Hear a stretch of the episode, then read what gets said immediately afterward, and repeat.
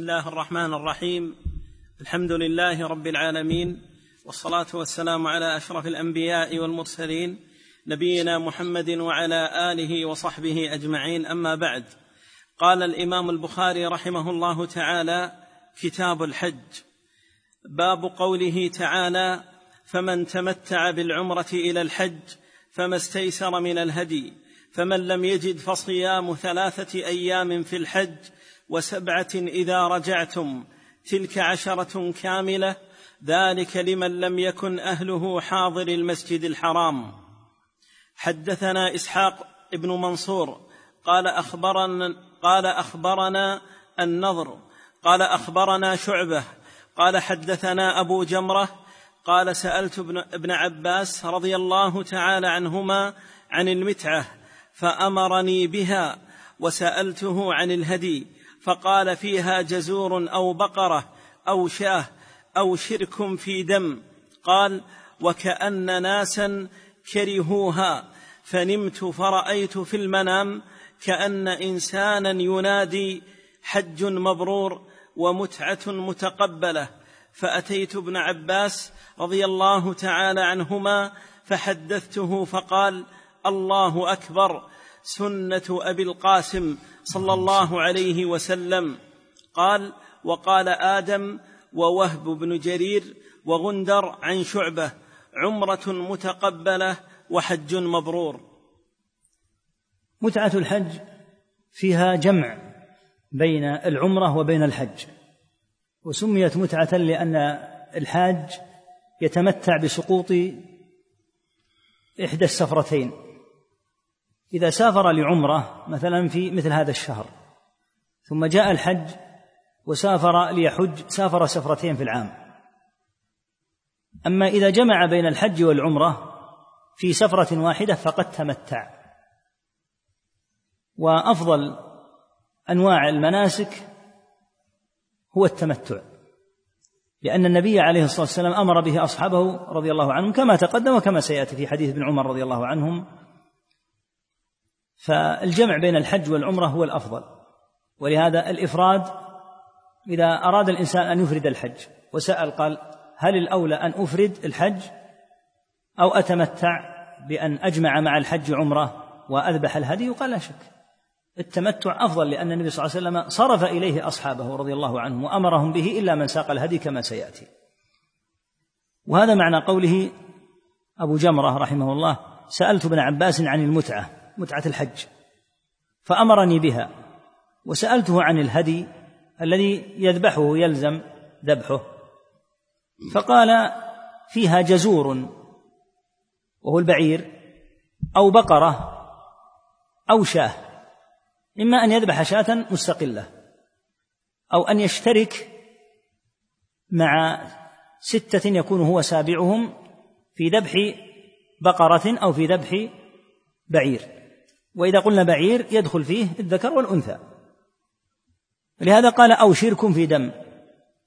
الشرك في الدم في البقرة وفي البعير. بأن يكون هناك سبعة يشتركون جميعا في شراء بقرة أو في شراء بعير ويذبحونها جميعا عن هؤلاء السبعة كلهم. قال وكأن ناسا كرهوها يعني كرهوا الجمع بين متعة بين بين العمرة وبين الحج. يقول أبو جمرة فنمت فرأيت في المنام كأن إنسانا ينادي حج مبرور ومتعة متقبلة وفي اللفظ الآخر وعمرة متقبلة. فأتى ابن عباس رضي الله عنهما لأن ابن عباس كان يفتي بأن المتعة متعة الحج هي الأفضل. فحدثته ففرح ابن عباس وقال الله أكبر سنة أبي القاسم صلى الله عليه وسلم. وهذه الرؤيا التي يراها المؤمن. إذا كانت موافقة للحق فإنها تسره ولا تغره. ولا يعتمد عليها بحيث يقال إن معرفة الصواب في المسائل العلمية مثلا أو الحق من الباطل يكون عن طريق الرؤيا لا. لكنها إذا وافقت الحق تكون من باب البشارة. فأتيت ابن عباس رضي الله عنهما فحدثته فقال الله أكبر سنة أبي القاسم صلى الله عليه وسلم. كان بعض الصحابة رضي الله عنهم ولا سيما عمر وعثمان رضي الله عن الجميع كان يستحبان أن يحج الحاج في سفرة ويعتمر في سفرة. لماذا؟ لأنهم كرهوا أن يعرى البيت. الحج قديما ليس كالحج الآن. الحج الآن ترى الألوف المؤلفة تزدحم. قديما لا ما كان الحج هكذا. كانوا يحجون حجة واحدة في العام ثم عدد كبير منهم لا يعود للحج إلا مثلها من العام القادم أو ربما لا يحج. فيبقى البيت الحرام في محرم وصفر وربيع إلى قرب الحج من العام القادم لا يعتمره إلا قليل لأنهم يأتون ليحجوا ويعتمروا جميعا. فأحب عمر رضي الله عنه أن لا يخلى البيت بقية السنة فاستحب أن يحج إفرادا حتى يحتاج الناس إلى أن يعتمروا مثلا في رمضان أو في بقية أشهر السنة. وهذا من باب الاختيار وليس من باب الإلزام ما كان يلزم به أحدا لا عثمان ولا عمر رضي الله عنهم. لكن كرهوا أن يعرى البيت. والصواب وهذا الذي جعل ابن عباس رضي الله عنهما يفرح الصواب أن الأفضل هو متعة الحج. هو اختيار أن يجمع بين الحج والعمرة. والآن البيت ولله الحمد البيت الحرام لا لا يخلو نهائيا طوال الأربع وعشرين ساعة لكثرة من ما جعل الله عز وجل من محبة القلوب هذا البيت العظيم وتعلقها به فلا يخلو. المسجد الحرام ولا يخلو من طائف ومن مصلي. فالحاصل أن الصواب أن المتعة هي متعة الحج ومعنى متعة الحج أن يجمع بين العمرة والحج في سفر واحد. أنها هي الصواب. الأفضل نعم. بقية المناسك لا إشكال فيها. القرآن والإفراد كلها سليمة لكن متعة الحج هي الأفضل لأن النبي صلى الله عليه وسلم صرف الناس إليها. نعم. صلى الله إليك باب ركوب البدن. لقوله تعالى والبدن جعلناها لكم من شعائر الله لكم فيها خير فاذكروا اسم الله عليها صواف فإذا وجبت جنوبها فإذا وجبت فإذا وجبت جنوبها فكلوا منها وأطعموا القانع والمعتر كذلك سخرناها لكم لعلكم تشكرون. لن ينال الله لحومها لن ينال الله. لن ينال الله لحومها ولا دماؤها ولكن يناله التقوى منكم. كذلك سخرها لكم لتكبروا الله على ما هداكم وبشر المحسنين. قال مجاهد رحمه الله تعالى سميت البدن لبدنها والقانع السائل. والمعتر الذي يعتر بالبدن من من غني أو فقير. وشعائر الله استعظام البدن واستحسانها والعتيق عتقه من الجبابرة. ويقال وجبت سقطت إلى الأرض ومنه وجبت الشمس. يقول رحمه الله تعالى باب ركوب البدن. ويأتي إن شاء الله شرح حديثه. لقوله عز وجل والبدن جعلناها لكم من شعائر الله. ما المراد بالبدن؟ يقول مجاهد رحمه الله سميت البدن سميت سميت البدن لبدنها أي لبدانتها وسمنها. قال والقانع هو السائل والمعتر الذي يعتر بالبدن من غني أو فقير. يعتر بالبدن أي يطيف بها متعرضة لأن البدن هذه تنحر. في مكة ويكون لحمها للفقراء ولمن أرادها من شاء اقتطع من شاء أخذ. فيتعرض لهذا القانع والمعتر. قال شعائر الله والبدن جعلناها لكم من شعائر الله. قال هو استعظام البدن واستحسانها. من تعظيم الله عز وجل إذا أردت أن تذبح مثلا سواء في الأضاحي أو في البدن هذه في الحج من تعظيم الله تعالى أن تبحث عن السمين النفيس وألا تلجأ وتبحث عن الهزيل الضعيف. بل تحرص إذا كنت قادرا تحرص على أن يكون ما تذبح متقربا به إلى الله عز وجل شيئا حسنا مناسبا لإهدائه لله عز وجل. قال والعتيق يعني تسمية البيت الحرام بالبيت العتيق لعتقه من الجبابرة كما حصل لأبرهة وجماعته ممن أرادوا هدم البيت فإن الله أعتقه منهم وسلمه منهم. قال تعالى فإذا وجبت جنوبها وجبت سقطت. كما يقال وجبت الشمس أي سقطت الشمس إذا غربت. فإذا وجبت جنوبها أي البدن كيف كانوا يذبحونها؟ ما كانوا يجعلونها على الأرض ويذبحونها كما يذبحون البقر ويذبحون الغنم. ذبح البدن لا يكون على الهيئة التي تذبح بها البقر والغنم وإنما يكون ذبح البدن بأن تعقل يدها اليسرى تربط وتكون قائمة ثم تطعن في لبتها فتسقط. هذا معنى قوله تعالى فإذا وجبت جنوبها أي سقطت لأنها تسقط على جنبها فتعقل يدها اليسرى ويمال رأسها من الخلف ويأتي الذابح فيذبحها في لبتها وتسقط لأنها إذا طعنت ذبح نحرها فسقطت فتسقط على جنبها ما تسقط على وجهها وإنما تسقط على جنبها ولهذا قال تعالى فإذا وجبت جنوبها لأنها إذا طعنت على هذه الأية وكانت قد عقلت يدها سقطت على جنبها هذا معنى قوله تعالى فإذا وجبت جنوبها. نعم. حدثنا عبد الله بن يوسف قال أخبرنا مالك عن أبي الزناد عن الأعرج عن أبي هريرة رضي الله تعالى عنه أن رسول الله صلى الله عليه وسلم رأى رجلا يسوق بدنة فقال اركبها فقال إنها بدنة فقال اركبها قال إنها بدنة قال اركبها ويلك في الثالثة أو في الثانية. جاء عنه عليه الصلاة والسلام هذا الحديث أنه رأى رجلا يسوق بدنة. من بعير بقر أو غنم بعير ذكر أو أنثى فقال اركبها كانه محتاج لها. قال إنها بدنة يريد أن يهديها ويذبحها في مكة. قال اركبها ثانية. قال إنها بدنة يؤكد مرة أخرى كأنه متحرج. قال في الثالثة اركبها ويلك. غضب عليه الصلاة والسلام من كثرة مراجعته له لأن النبي صلى الله عليه وسلم يعلم أنها بدنة كما سيأتي إن شاء الله تعالى البدنة التي تهدى تميز بالإشعار ويأتي إن شاء الله الكلام عليه. فقال اركبها.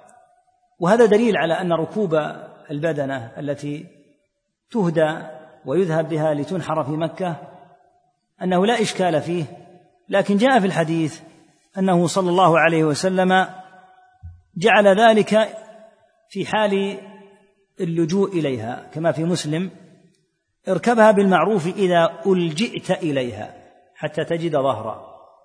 فدل على أن ركوبها عند الحاجة إليها. فإذا احتاج إليها فليس له ألا يركب بل يلزمه أن يركب بأمر النبي صلى الله عليه وسلم. أما أن يمشي هذه المسافة الطويلة حاجا يمشي على رجليه ومعه هذه البدن قد ساقها. قال اركب. لأنه إذا مشى هذه المسافة الطويلة وعنده البدنة التي يستطيع أن يركبها والبدنة من كما قلنا من البعير سواء كان من الذكران أو من الإناث منهن ناقة أو كان من ذكرانها فإنه يتضرر وعنده جعل قد جعل الله تعالى عنده الدابة وقد ألجئ إليها. أما إذا استغنى عنها فإنه كما لو كان معه بعير غير البدنة لا يركبها. إنما لأنه قد يضرها. وهكذا إذا ركبها فإنه يركبها بطريقة لا تضرها لأنه ليس المقصود بركوبها أن يركبها بحيث تتضرر لأنه قد ساقها ليذبحها في مكة وليتكون للفقراء. فالحاصل أنها محل تفصيل.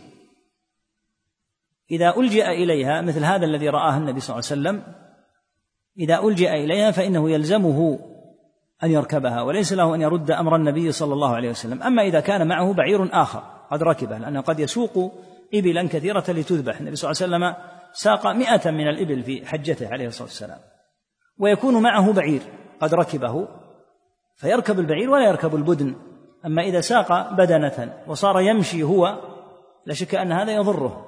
فيركب هذه البدنة بطريقة لا تضرها حتى حتى يجي إلا إذا كان عنده بعير غيرها كما قلنا. أما إذا لم يكن عنده بعير فإنه يركبها بالمعروف ولا يضرها. نعم. حدثنا مسلم ابن إبراهيم قال حدثنا هشام وشعبة قال حدثنا قتادة عن أنس رضي الله تعالى عنه أن النبي صلى الله عليه وسلم رأى رجلا يسوق بدنة فقال اركبها. قال إنها بدنة. قال اركبها قال إنها بدنة قال اركبها ثلاثا. نعم. باب من ساق البدن معه. حدثنا يحيى ابن بكير قال حدثنا الليث عن عقيل عن ابن هشام عن سالم بن عبد الله أن ابن عمر رضي الله تعالى عنهما قال تمتع رسول الله صلى الله عليه وسلم في حجة الوداع بالعمرة إلى الحج. وأهدى فساق معه الهدي من ذي الحليفة وبدأ رسول الله صلى الله عليه وسلم فأهل بالعمرة ثم أهل بالحج فتمتع الناس مع النبي صلى الله عليه وسلم بالعمرة إلى الحج فكان من الناس من أهدى فساق الهدي ومنهم من لم يهدي. فلما قدم النبي صلى الله عليه وسلم مكة قال للناس من كان منكم أهدى فإنه لا يحل لشيء. حرم منه حرم منه. حرم منه حتى يقضي حجه. ومن لم يكن منكم أهدى فليطف بالبيت وبالصفا والمروة وليقصر وليحلل ثم ليهل بالحج. فمن لم يجد هديا فليصم. ما عندك ثم ليهل بالحج وليهدي. لا يا شيخ نعم نعم.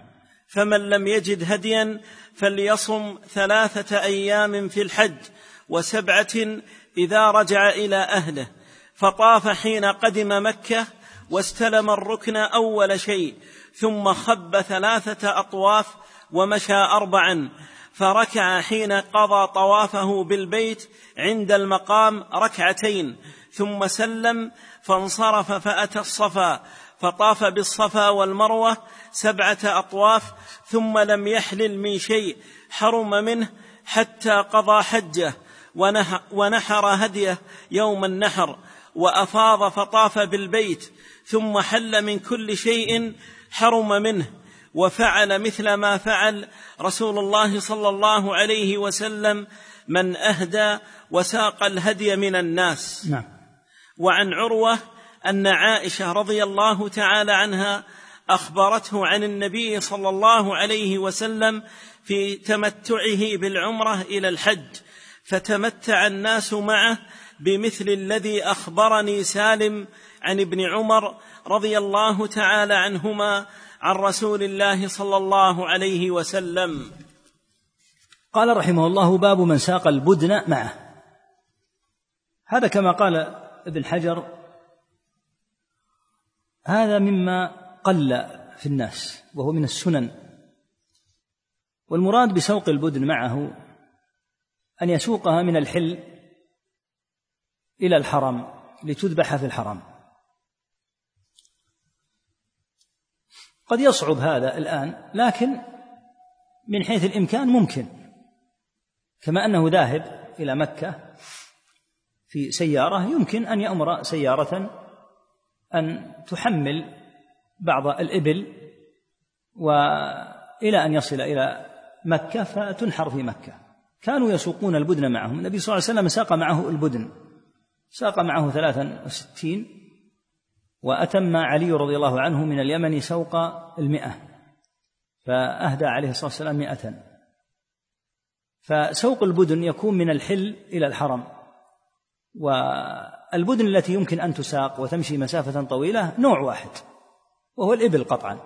أما الغنم والبقر فلا يمكن أن تمشي هذه المسافات الطويلة فلو أردت أن تسوقها مثلا من هنا وتجعلها تمشي معك في سفرتك بحيث تقطع من نجد هنا إلى مكة ومعك الغنم تمشي طوال هذه الطريق تضعف هي أضعف من أن تقطع هذه المسافة إلى مكة كما تقطعها الإبل لأن الإبل تقطع في اليومين تقريبا نحو ثمانين كيلو. وهذا لا تستطيعه الأغنام والأبقار. ولهذا تلاحظ أن الإبل إذا أضاعها أصحابها تمضي مسافة طويلة جدا قد لا يجدونها إلا بعد أشهر. تكون قد قطعت وتذكر لأصحابها في موضع بينهم وبينها بعض الأحيان بعض الأحيان مئة ميل ثلاثمائة ميل بعيدة مشت لأن تستطيع المشي. أما الأبقار والأغنام فلا يمكن أن أو يصعب. أن تساق من مواضع بعيدة. قال باب من ساق البدن معه يعني إلى أن يصل إلى مكة فيذبحها في مكة.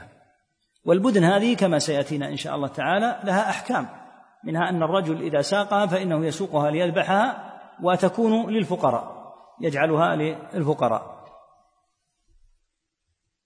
النبي صلى الله عليه وسلم لما حج كان هو صلى الله عليه وسلم ومن معه من الصحابة رضي الله عنهم في حجهم من حيث البدن على نوعين اثنين. النوع الأول من ساق معه البدن كما ساق النبي صلى الله عليه وسلم وبعض الصحابة. هذا الذي يسوق معه البدن إذا وصل إلى مكة وطاف وسعى وقصر فإنه يظل على إحرامه. جميع أحكام الإحرام باقية. النبي صلى الله عليه وسلم وصل في اليوم الرابع فطاف وسعى وقصر صلى الله عليه وسلم وبقي على إحرامه إلى اليوم الثامن. فأهل صلى الله عليه وسلم بالحج ثم ذهب في اليوم التاسع إلى منى إلى إلى عرفة ثم بات بالمزدلفة صلى الله عليه وسلم ثم رمى الجمرة عليه الصلاة والسلام ونحر هديه في اليوم العاشر وهو يوم العيد. وطاف طواف الإفاضة يوم العيد فعند ذلك تحلل عليه الصلاة والسلام. فالذي يسوق البدن معه يستمر على إحرامه. وإذا اعتمر فإنه يبقى على إحرامه ولا يترك الإحرام. جميع أحكام الإحرام باقية عليه. أما الذي لم يسق البدن معه فإن النبي صلى الله عليه وسلم أمرهم وهذا الذي جعل أهل العلم يقولون إن التمتع أفضل أمرهم وأكد عليهم عليه الصلاة والسلام عدة مرات أكد عليهم أن يتحللوا من العمرة لأن الذي يمنع من التحلل من العمرة هو سوق البدن. فإذا ساق البدن فليس له أن يتحلل يبقى إلى أن ينحر البدن هذه التي ساقها إلى أن ينحرها في اليوم العاشر. أما من لم يسق البدن فإن النبي عليه الصلاة والسلام قد أكد عليه أن يتحلل من العمرة. فاعتمر الذين لم يسوقوا البدن في اليوم الرابع وتحللوا تحللا كاملا وطئوا النساء وتطيبوا ولبسوا المخيط وغطوا رؤوسهم حتى جاء اليوم الثامن فأهلوا بالحج. لما كان المتمتع عنده هذا التمتع من جهة مثل ما قلنا سقوط السفرتين ومن جهة تمتعه أيضا بهذه الأحكام لزمه الهدي يلزمه الهدي في هذه الحالة فيذبح هذا الهدي أو يصوم سبعة أيام يصوم عشرة أيام ثلاثة أيام يصومها في الحج وسبعة يصومها إذا رجع إلى أهله. نعم. باب من اشترى الهدي من الطريق. حدثنا أبو النعمان قال حدثنا حماد عن أيوب عن نافع قال قال عبد الله بن ابن, ابن عبد الله بن عمر رضي الله تعالى عنهم لأبيه أقم فإني لا آمنها أن تصد عن البيت.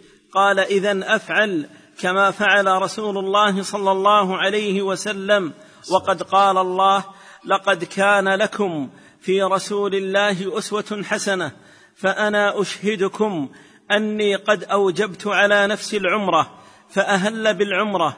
قال ثم خرج حتى إذا كان بالبيداء أهل بالحج والعمرة. وقال ما شأن الحج ما شأن الحج والعمرة. ما شأن الحج؟ ما شأن الحج والعمرة إلا واحد. ثم اشترى الهدي من قديد.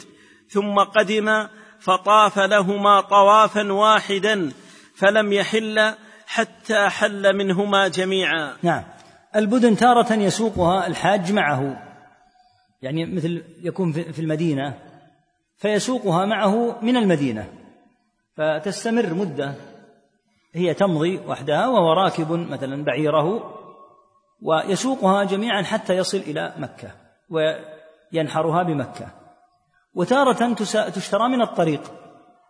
فيقول أنا لن آخذ لن أسوقها معي الآن من المدينة مثلا لكن إذا اقتربت من مكة اشتريتها قبل مكة وسقتها معي.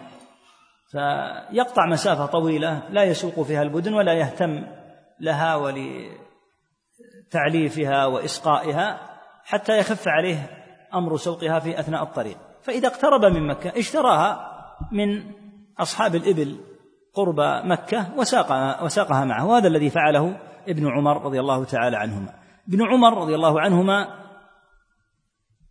في فترة قتال ابن الزبير رضي الله عنهما مع الحجاج بن يوسف كان ابن الزبير في مكة وكان الحجاج بن يوسف محاصرا له في مكة. فيقول عبد الله ابن عبد الله ابن عمر ابن عمر اسمه عبد الله وابنه عبد الله وهذا يدل على أنه لا بأس أن يسمي أن يسمي الوالد ابنه باسم باسمه.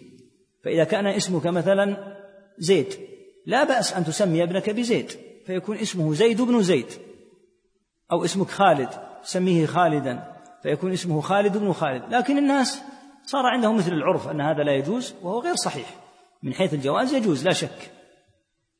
فعبد الله ابن عبد الله يقول لأبيه الصحابي عبد الله رضي الله عنه بن عمر إني لا آمنها يعني الفتنة أن تنشب فأقم يعني في المدينة لا تحج. كان ابن عمر رضي الله عنه ما يحج كل سنة. كل عام يحج. أظنه حج ستين حج عليه الرضوان رضي الله تعالى عنهم وأرضاهم. يحج كل عام. فلما جاءت جاء الوقت الذي كان فيه قتال ابن الزبير والحجاج يقول له ابنه أنا لا آمن أن تصد عن البيت بسبب هذا القتال.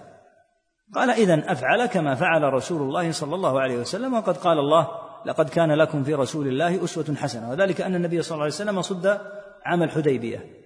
فإذا صد عن البيت فالذي يصد عن البيت له أحكام. إذا لم يتمكن فإنه يتحلل من من حجته وينحر. الحمد لله ما فيه إشكال إذا لم يتمكن. صده العدو أو عجز عن إتمام حجه فيكون حكمه حكم المحصر. ثم قال أشهدكم أني قد أوجبت على نفسي العمرة. فاتجه على أساس أنه سيعتمر عمرة ثم إذا جاء الحج في اليوم الثامن حج ثم إنه لما كان بالبيداء وهي الصحراء قال ما شأن العمرة والحج إلا واحد. فأهل بالحج والعمرة معا ثم اشترى الهدي من قديد. قديد هذا موضع مكان. اشتراه وساقه معه وقديد قريب من مكة ثم قدم فطاف لهما طوافا واحدا أي للحج والعمرة فلم يحل حتى حل منهما جميعا. لماذا؟ لأن معه البدن. قلنا من ساق البدن فإنه لا يتحلل إلا في اليوم العاشر إذا نحر هديه. نعم. أحسن الله إليك. باب من أشعر وقلد بذي الحليفة ثم أحرم. وقال نافع قف عليها. نعم.